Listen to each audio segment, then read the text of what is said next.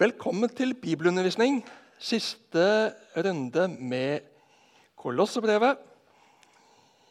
Vi skal begynne på kapittel 3, vers 22, og har eh, ambisjoner om å komme til endes 418.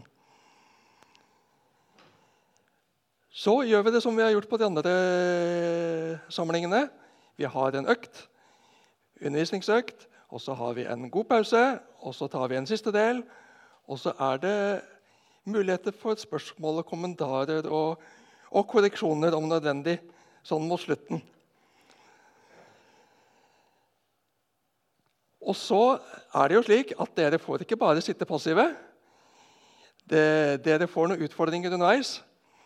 Ikke som skal opp på scenen, nødvendigvis, men eh, til refleksjon sjøl, til ettertanke.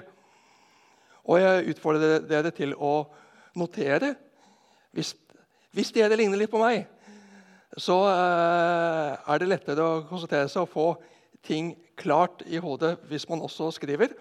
Og Jeg har funnet fram en solid bunke med ark der nede, og det er penner nok. Og det er til og med et skrivebrett til de første som er bortpå og henter. Så da blir det storm bak. Det er flott å se at det er respons i forsamlingen. Ja.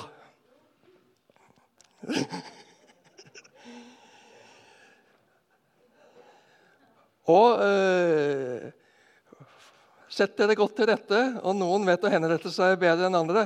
Innrette seg heter det kanskje. Ja. Men det er flott. Innta en posisjon og positur hvor du lytter best. At ikke kroppen skal eh, gi sånn dissonans og distraksjoner. Ja. Før vi ø, setter skikkelig i gang, så skal vi be sammen. Takk, Jesus, for at vi får eh, tilhøre deg. Takk for at ordet ditt har nådd oss, og at vi får ha tillit til det. Vi får ha tillit til deg, vi får stole på deg, vi får være avhengig av deg. Og så ønsker vi å forankres i ditt ord. Jeg ber om at du med din gode Hellige Ånd må åpne ordet for oss, og åpne hjertene våre for ditt ord, så vi kan ta imot slik du ville det.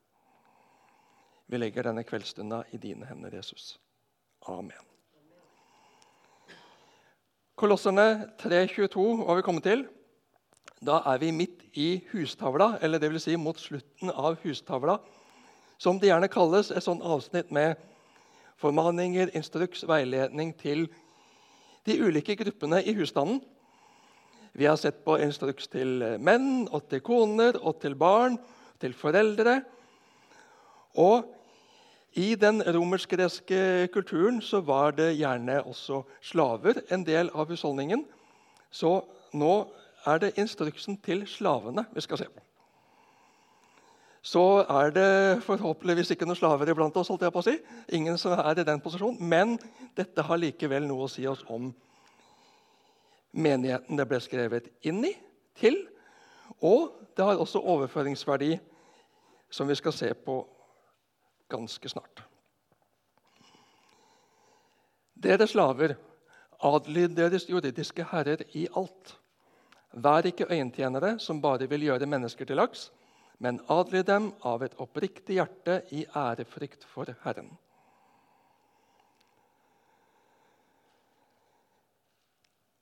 Når Paulus skriver slik, legitimerer han da slaveriet? Paulus promoterte absolutt ikke slavehold. Men han agiterte heller ikke for opprør mot slik samfunnet fungerte på den tida. Det var godt for en slave å bli fri, som vi leser i første kor 7. Eh, ble du kalt som slave, la ikke det bekymre deg, men kan du bli fri, så velg heller det. For den som var slave da Herren kalte ham, er Herrens friete. Og den som var fri da han ble kalt, er Kristi slave. Dere er kjøpt og prisen betalt, så bli ikke slaver av mennesker. Mine søsken, enhver skal forbli der han var da han ble kalt, og være der for Gud. Uansett så er et menneske like mye verdt, like elsket av Gud, om det er slave eller fri.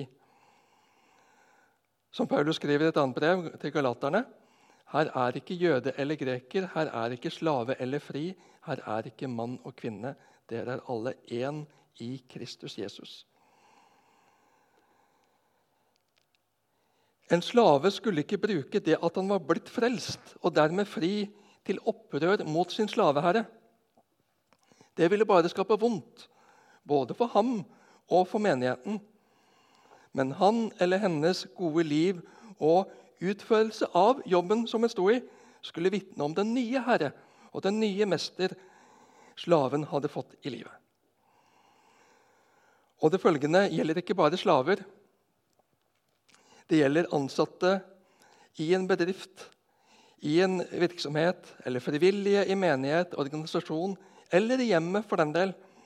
At vi ikke skal være øyentjenere som gjør noen oppgaver bare for å bli likt, bare for å få fordel av det, men gjøre det av et helt hjerte, oppriktig og til ære for Gud.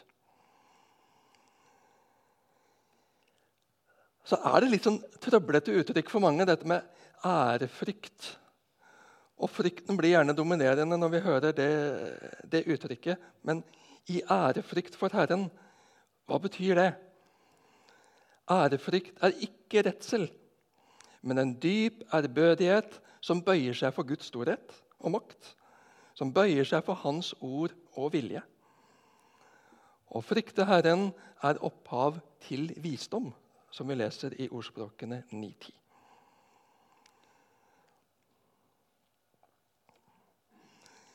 Når jeg er en liten del av det store maskineriet, så kan jeg fort glemme den store helheten jeg er en del av. Jeg ser bare den lille biten som jeg gjør, og som jeg er, utgjør.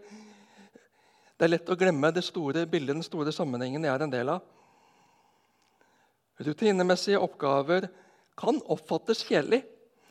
Det kan oppfattes lite inspirerende, lite givende og meningsfulle. Da er det lett å miste gnisten. Og om jeg heller ikke har fått noe særlig tilbakemeldinger fra sjefen i det siste, da blir det ikke bedre. Jeg gjør det jeg skal, men gleden ble etter hvert borte. Etter hvert blir det at jeg gjør stort sett det jeg skal. Men nå begynner det å piple ut sure kommentarer, og arbeidet blir ikke gjort like skikkelig. Han fortjener ikke noe bedre. Han verdsetter meg jo ikke og det blir mindre tilfredsstillende for omgivelsene. Ja, det kan bli en belastning å ha vedkommende i systemet, for en forsurer miljøet, og andre må gå etter og sjekke om det har blitt gjort skikkelig.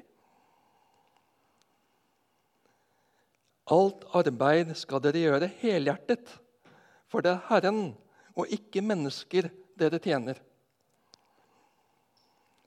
Hvem er det jeg tjener? Hvem er det jeg tjener?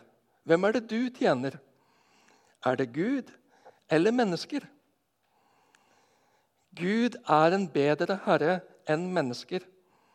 Forhold deg til ham, også i de kjedelige oppgavene. Det gjør deg fort til en bedre utøver også. For det gjør noe med mentaliteten.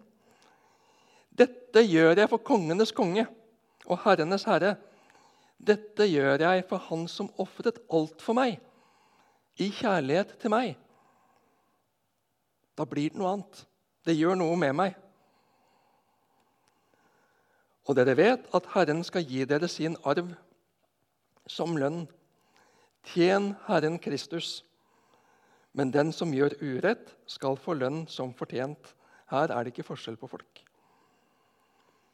Jeg har lyst til å ta med et par engelske oversettelser her. Eugene Peterson oversetter slik i The Message The sullen servant who does shoddy work will be held responsible. Being a follower of Jesus doesn't cover up bad work. Forsøk på en oversettelse. Den mutte tjener som gjør et elendig arbeid, vil bli holdt ansvarlig. Å være en Jesu etterfølger dekker ikke over dårlig arbeid. Og I New International Version står det Anyone who does wrong will be repaid for his wrong, and there is no favoritism. Om man er mann eller kvinne, sjef eller ansatt, leder eller frivillig, så skal en holde seg til spillereglene. En skal ikke misbruke tillit eller privilegier. Menneskelige systemer kan forskjellsbehandle, dessverre. Der vi ser det, så skal vi prøve å rette opp i det. Men Gud forskjellsbehandler aldri. Urett kan gi kortsiktig gevinst, men baksmellen kommer før eller siden. Urett lønner seg aldri i et evighetsperspektiv. Urett får sin lønn, urett får sin straff. Urett skal under dommen. Og Avslutningsvis i hustavlen så leser vi Dere som er herrer, behandler slavene deres rett og rettferdig, for dere vet at også dere har en herre i himmelen. Dette var radikalt på den tida og i det samfunn som det ble skrevet inn i. Realiteten den gang var at en slaveherre kunne behandle slavene sine dårligere enn husdyra sine, uten å bli stilt til ansvar for det. Men Paulus stiller slaveherrene ansvarlig overfor Gud for hvordan de behandler slavene sine. Gud har skapt dem begge, både slaven og herren, i sitt bilde. For Gud har de begge samme verdi, selv om samfunnet sier noe helt annet. Og Her kommer første utfordring til deg. Vi sier i dag at alle har lik verdi. Alle mennesker er like verdifulle. Men er det slik samfunnet forholder seg i praksis? Hvordan leser du samfunnets menneskesyn i dag? Bruk et par minutter på å reflektere over det og notere deg noen stikkord.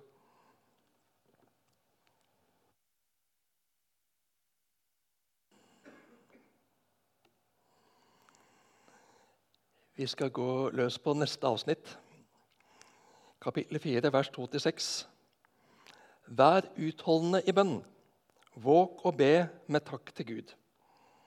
Be også for oss at Gud må åpne en dør for ordet, så vi kan forkynne Kristi mysterium, det som jeg nå er i fengsel for. Be om at jeg må tale slik jeg skal, når jeg gjør det kjent. Gå fram med visdom blant dem som står utenfor, og bruk den dyrebare tiden godt. La alt dere sier, være vennlig, og la det ha salt og kraft, så dere vet hvordan dere skal svare hver enkelt.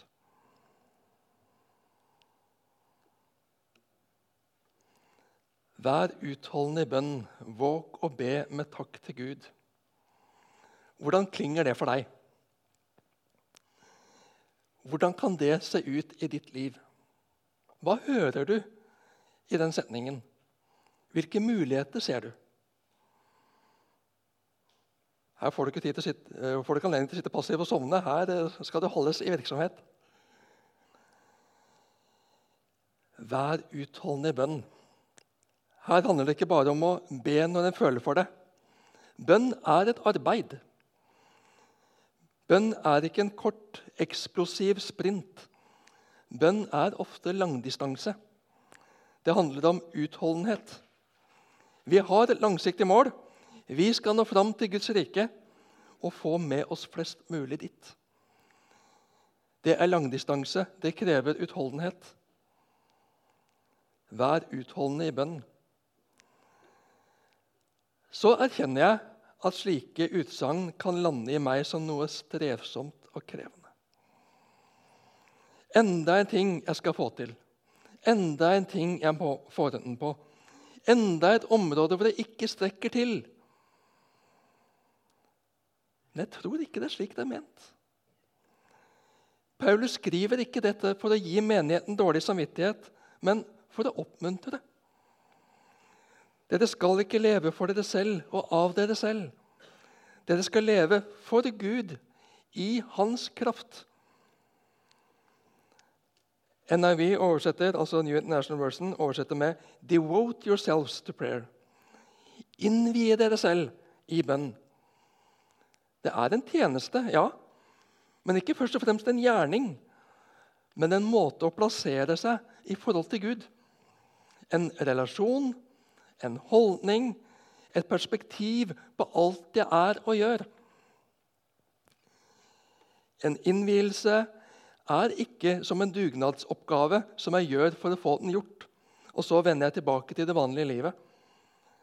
En innvielse er noe som preger hele meg resten av livet. Bønnen blir en livsnerve, noe jeg ikke kan tenke meg å leve uten. Dette har blitt en del av mitt vesen og væren, rett og slett. Dette er en viktig del av livsforbindelsen min med min Gud, med min Herre, med min Frelser.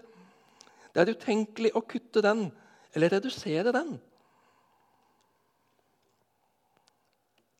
Noen manuskrifter har følgende vending så han kan kjenne til deres bønner. Da kan vi forstå det i retning av Hold ikke noe tilbake fra Herren. La ham få vite og kjenne alt dere har på hjertet.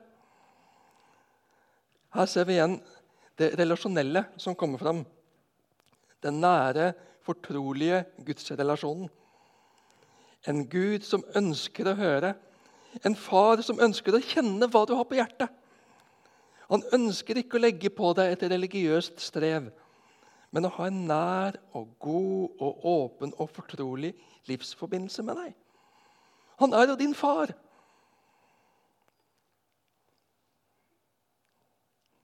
Våg å be med takk til Gud.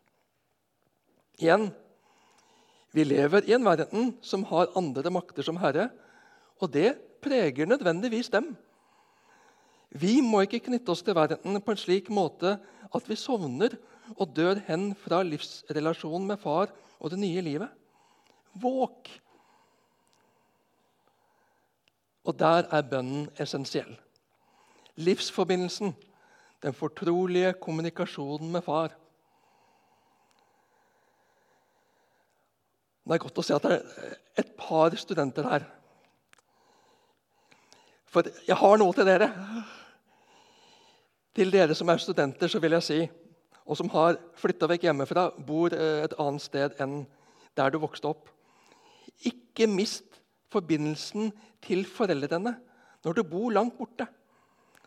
Ring, skriv, la dem få høre hva dere har på hjertet.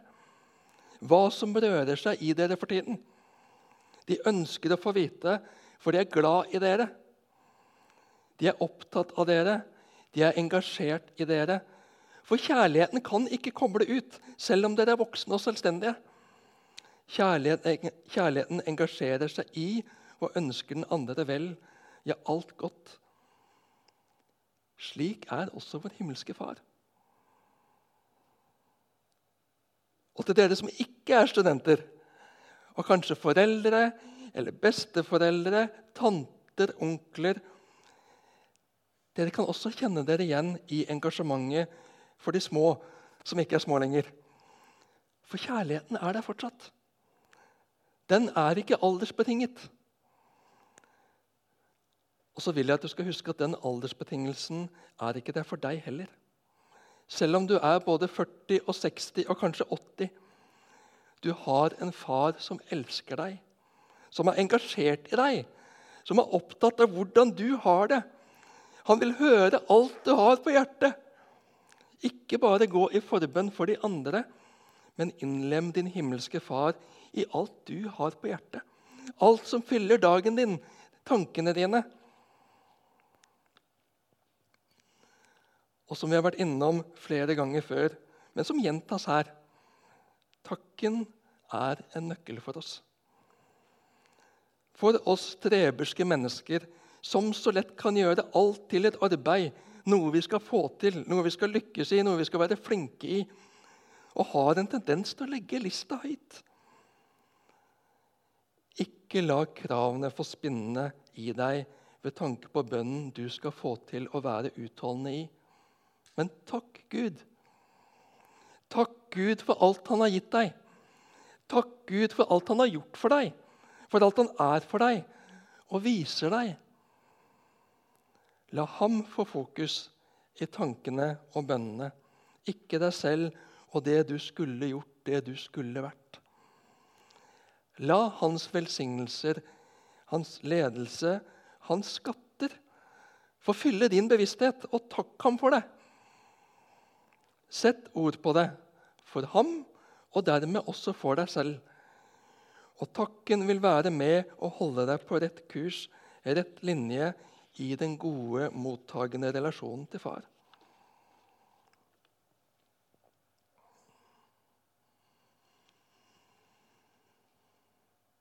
Be også for oss at Gud må åpne en dør for ordet, så vi kan forkynne Kristi mysterium, det som jeg nå er i fengsel for. Be om at jeg må tale slik jeg skal, når jeg gjør det kjent.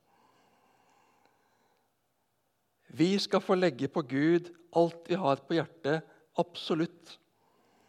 Og det er en frigjørende nøkkel det å ha fokus på å takke.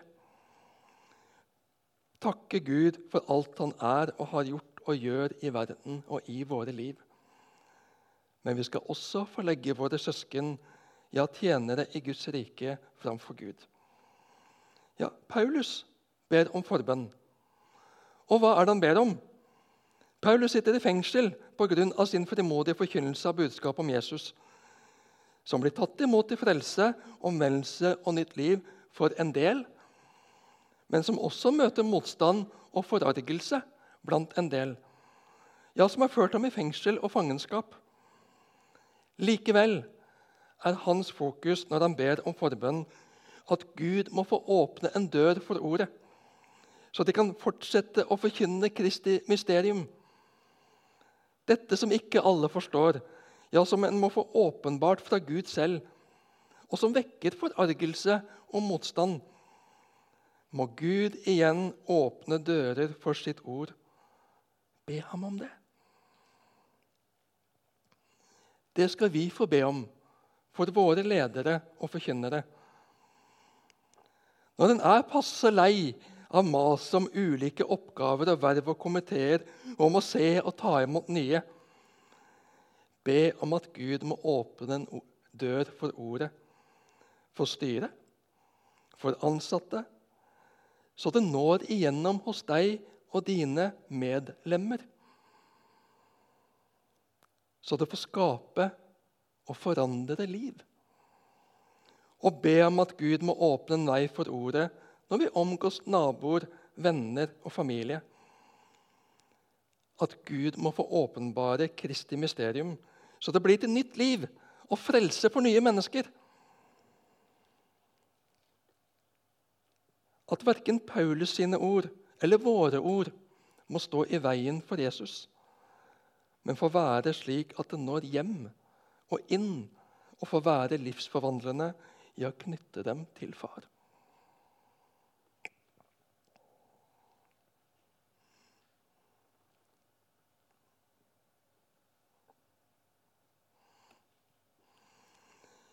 Gå fram med visdom blant dem som står utenfor, og bruk den dyrebare tiden godt. La alt dere sier, være vennlig, og la det ha salt og kraft, så dere vet hvordan dere skal svare hver enkelt.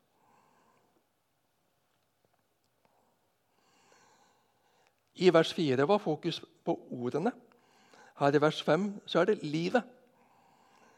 Paulus og vår framferd, hvordan vi lever, hvordan vi er, at det kan være på en slik måte at det ikke står i veien for Jesus, men slik at det åpner opp for Jesus. Og Da er det en ny utfordring til deg. Hva vil det helt konkret si for meg, for deg, i den neste settingen du vil stå i møte med ikke-kristne, og bruke den dyrebare tiden godt. Når skal jeg og du neste gang møte ikke-kristne?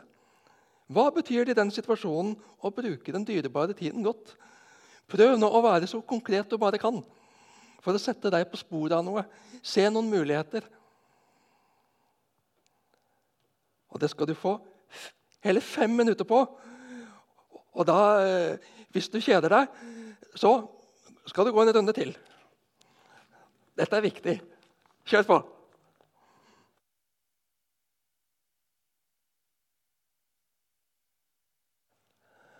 Igjen, dette kan høres på eh, og leses, eh, tolkes på ulik måte. Jeg er ikke fan av sånn bulldoserevangelisering. At over, mannene når de møter på en ikke-kristen. Jeg tror ikke det når gjennom. Det tilhører sjeldenheten i hvert fall. Og dette kan også være et spørsmål som gir liksom, dårlig samvittighet. Nå må jeg få til, da. Det, det, er ikke den jeg vil vekke i deg. Jeg vil eh, det, prøve å sette det på sporet av hvordan kan jeg møte Hvordan kan jeg vise en positiv oppmerksomhet? Hvordan kan jeg oppdage muligheten når jeg får den? Vi skal straks ha pause. Men jeg har lyst til å høre, er det noen som har noe de vil dele på dette? Noe, en tanke, en innskytelse, en idé som de vurderer om de skal teste ut, og som de kan sette andre på sporet av også, så vil vi veldig gjerne høre.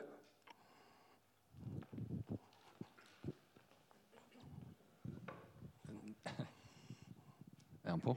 Ja. Du sa det egentlig det som jeg tenkte på når jeg hadde hørt eh, på dette her. Det jo, for meg er dette her en ting som Det er som en sekk som har på ryggen, som du hver gang hiver på fem kilo ekstra i, og blir aldri kvitt. Fordi at eh, min hverdag er i møte med ikke-kristne hele tida. Og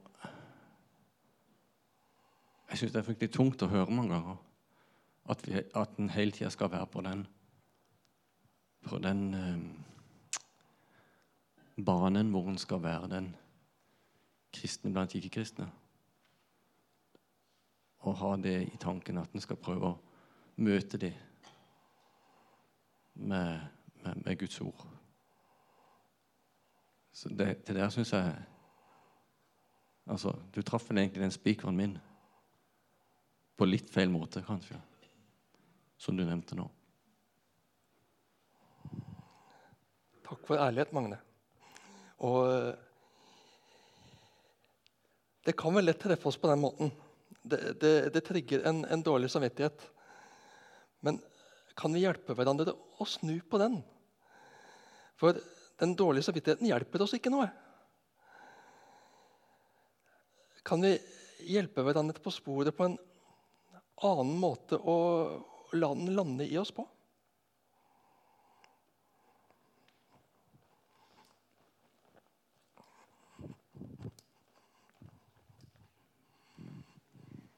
Jo stå opp. Hei, dere. Um, jeg kan like, liksom lese mine stikkord jeg har skrevet. Så det første var liksom ok, Hva, hva betyr bruke den dyretiden eh, godt.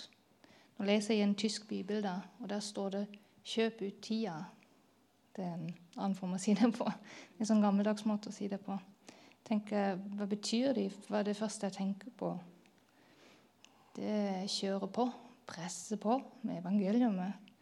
Forkynne, forkynne, forkynne. Liksom, eh, det er det første jeg tenker på. Men det kan liksom ikke være det. For meg hadde det hadde ikke nytta om noen hadde prøvd å presse på noe for min del for to-tre år siden. Um, så et, for, meg, for, meg, er veien inn hvis jeg møter andre som, som, ikke er kristne, som ikke tror, så betyr det i hvert fall å være tydelig på hva jeg tror på. At jeg ikke fornekter det jeg tror på. At jeg viser med min måte møter folk og snakker med folk på hvem jeg føler. Og Det kan jo sikkert gjøres på forskjellige ting, men um, vi kan godt være litt frimodige, tror jeg. Være litt kjapt til å si uh, du, Hvis du har lyst, så kan du bli med på en søndag på Misjonshuset. Altså, frimodig og ikke være engstelig for, for, å si noe galt eller være for tydelig, men eh, ja, være tydelig på, på, på, den vi tror på, og, og ikke fornekte, i hvert fall. Det, det er jo helt klart. Men, men uh, viser med måten vi er på, hvordan vi møter folk på, at vi er like åpne. Uh, men at vi ikke følger nødvendigvis verden og bruker tida på, på sånne ting. Men, men vi bruker våre, våre, timer og stunder på andre ting og følger, følger Jesus. Mm. Takk, Sylvia. Er det flere som har, har innspill på den? Ingar? Nei, jeg kan jo kjenne igjen i noe av det som Magne sier her. At uh, det er klart det kan forstås på en sånn måte at det blir bare en byrde for oss. Noe vi sliter og strever med og har dårlig samvittighet for. Og, uh, og ikke, jeg tror ikke det er det som er Guds vilje med dette. Jeg må si at Etter hvert som jeg har levd, jeg har levd noen år, da, selv om jeg har tenkt å bli litt gamlere enn jeg er nå, uh, så eh, har jeg fått et litt mer avslappa forhold alt det der. Og når jeg, leste, når jeg fulgte med nå i bibeltimen her også, så er det tre ord på en måte som, som, som brant seg litt fast i meg. Det ene ordet det er tiden. Det andre er dyrekjøpt, og det tredje er godt. Altså, når vi, altså Magne, du møter jo ikke-kristne hele tida, for du er i en sånn arbeidssituasjon. Jeg er ikke det, men jeg møter jo en del ikke-kristne.